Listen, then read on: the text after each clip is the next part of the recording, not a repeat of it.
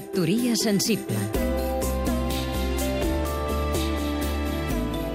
Jordi Llobet, professor i crític literari.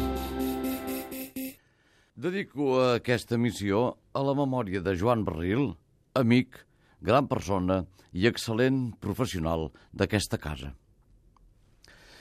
Els diaris han anat plens les darreres setmanes d'unes manifestacions de Harold Bloom, prestigiós crític literari nord-americà, en què aquest es queixava que en el moment actual ja no hi ha bona literatura i que, sobretot, no hi ha res de nou en el panorama literari.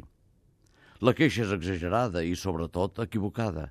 Encara hi ha grans novel·listes i poetes arreu d'Occident, com ara Philip Roth o Corbin McCarthy, tots dos vius, i com aquests n'hi ha per tot, a tots els països, inclosa Catalunya.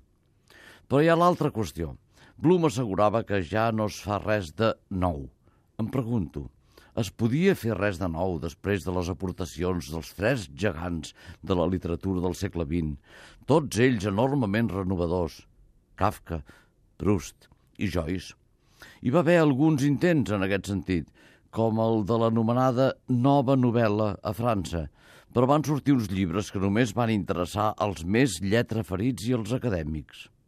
No, no cal que hi hagi res de nou en matèria de novel·la.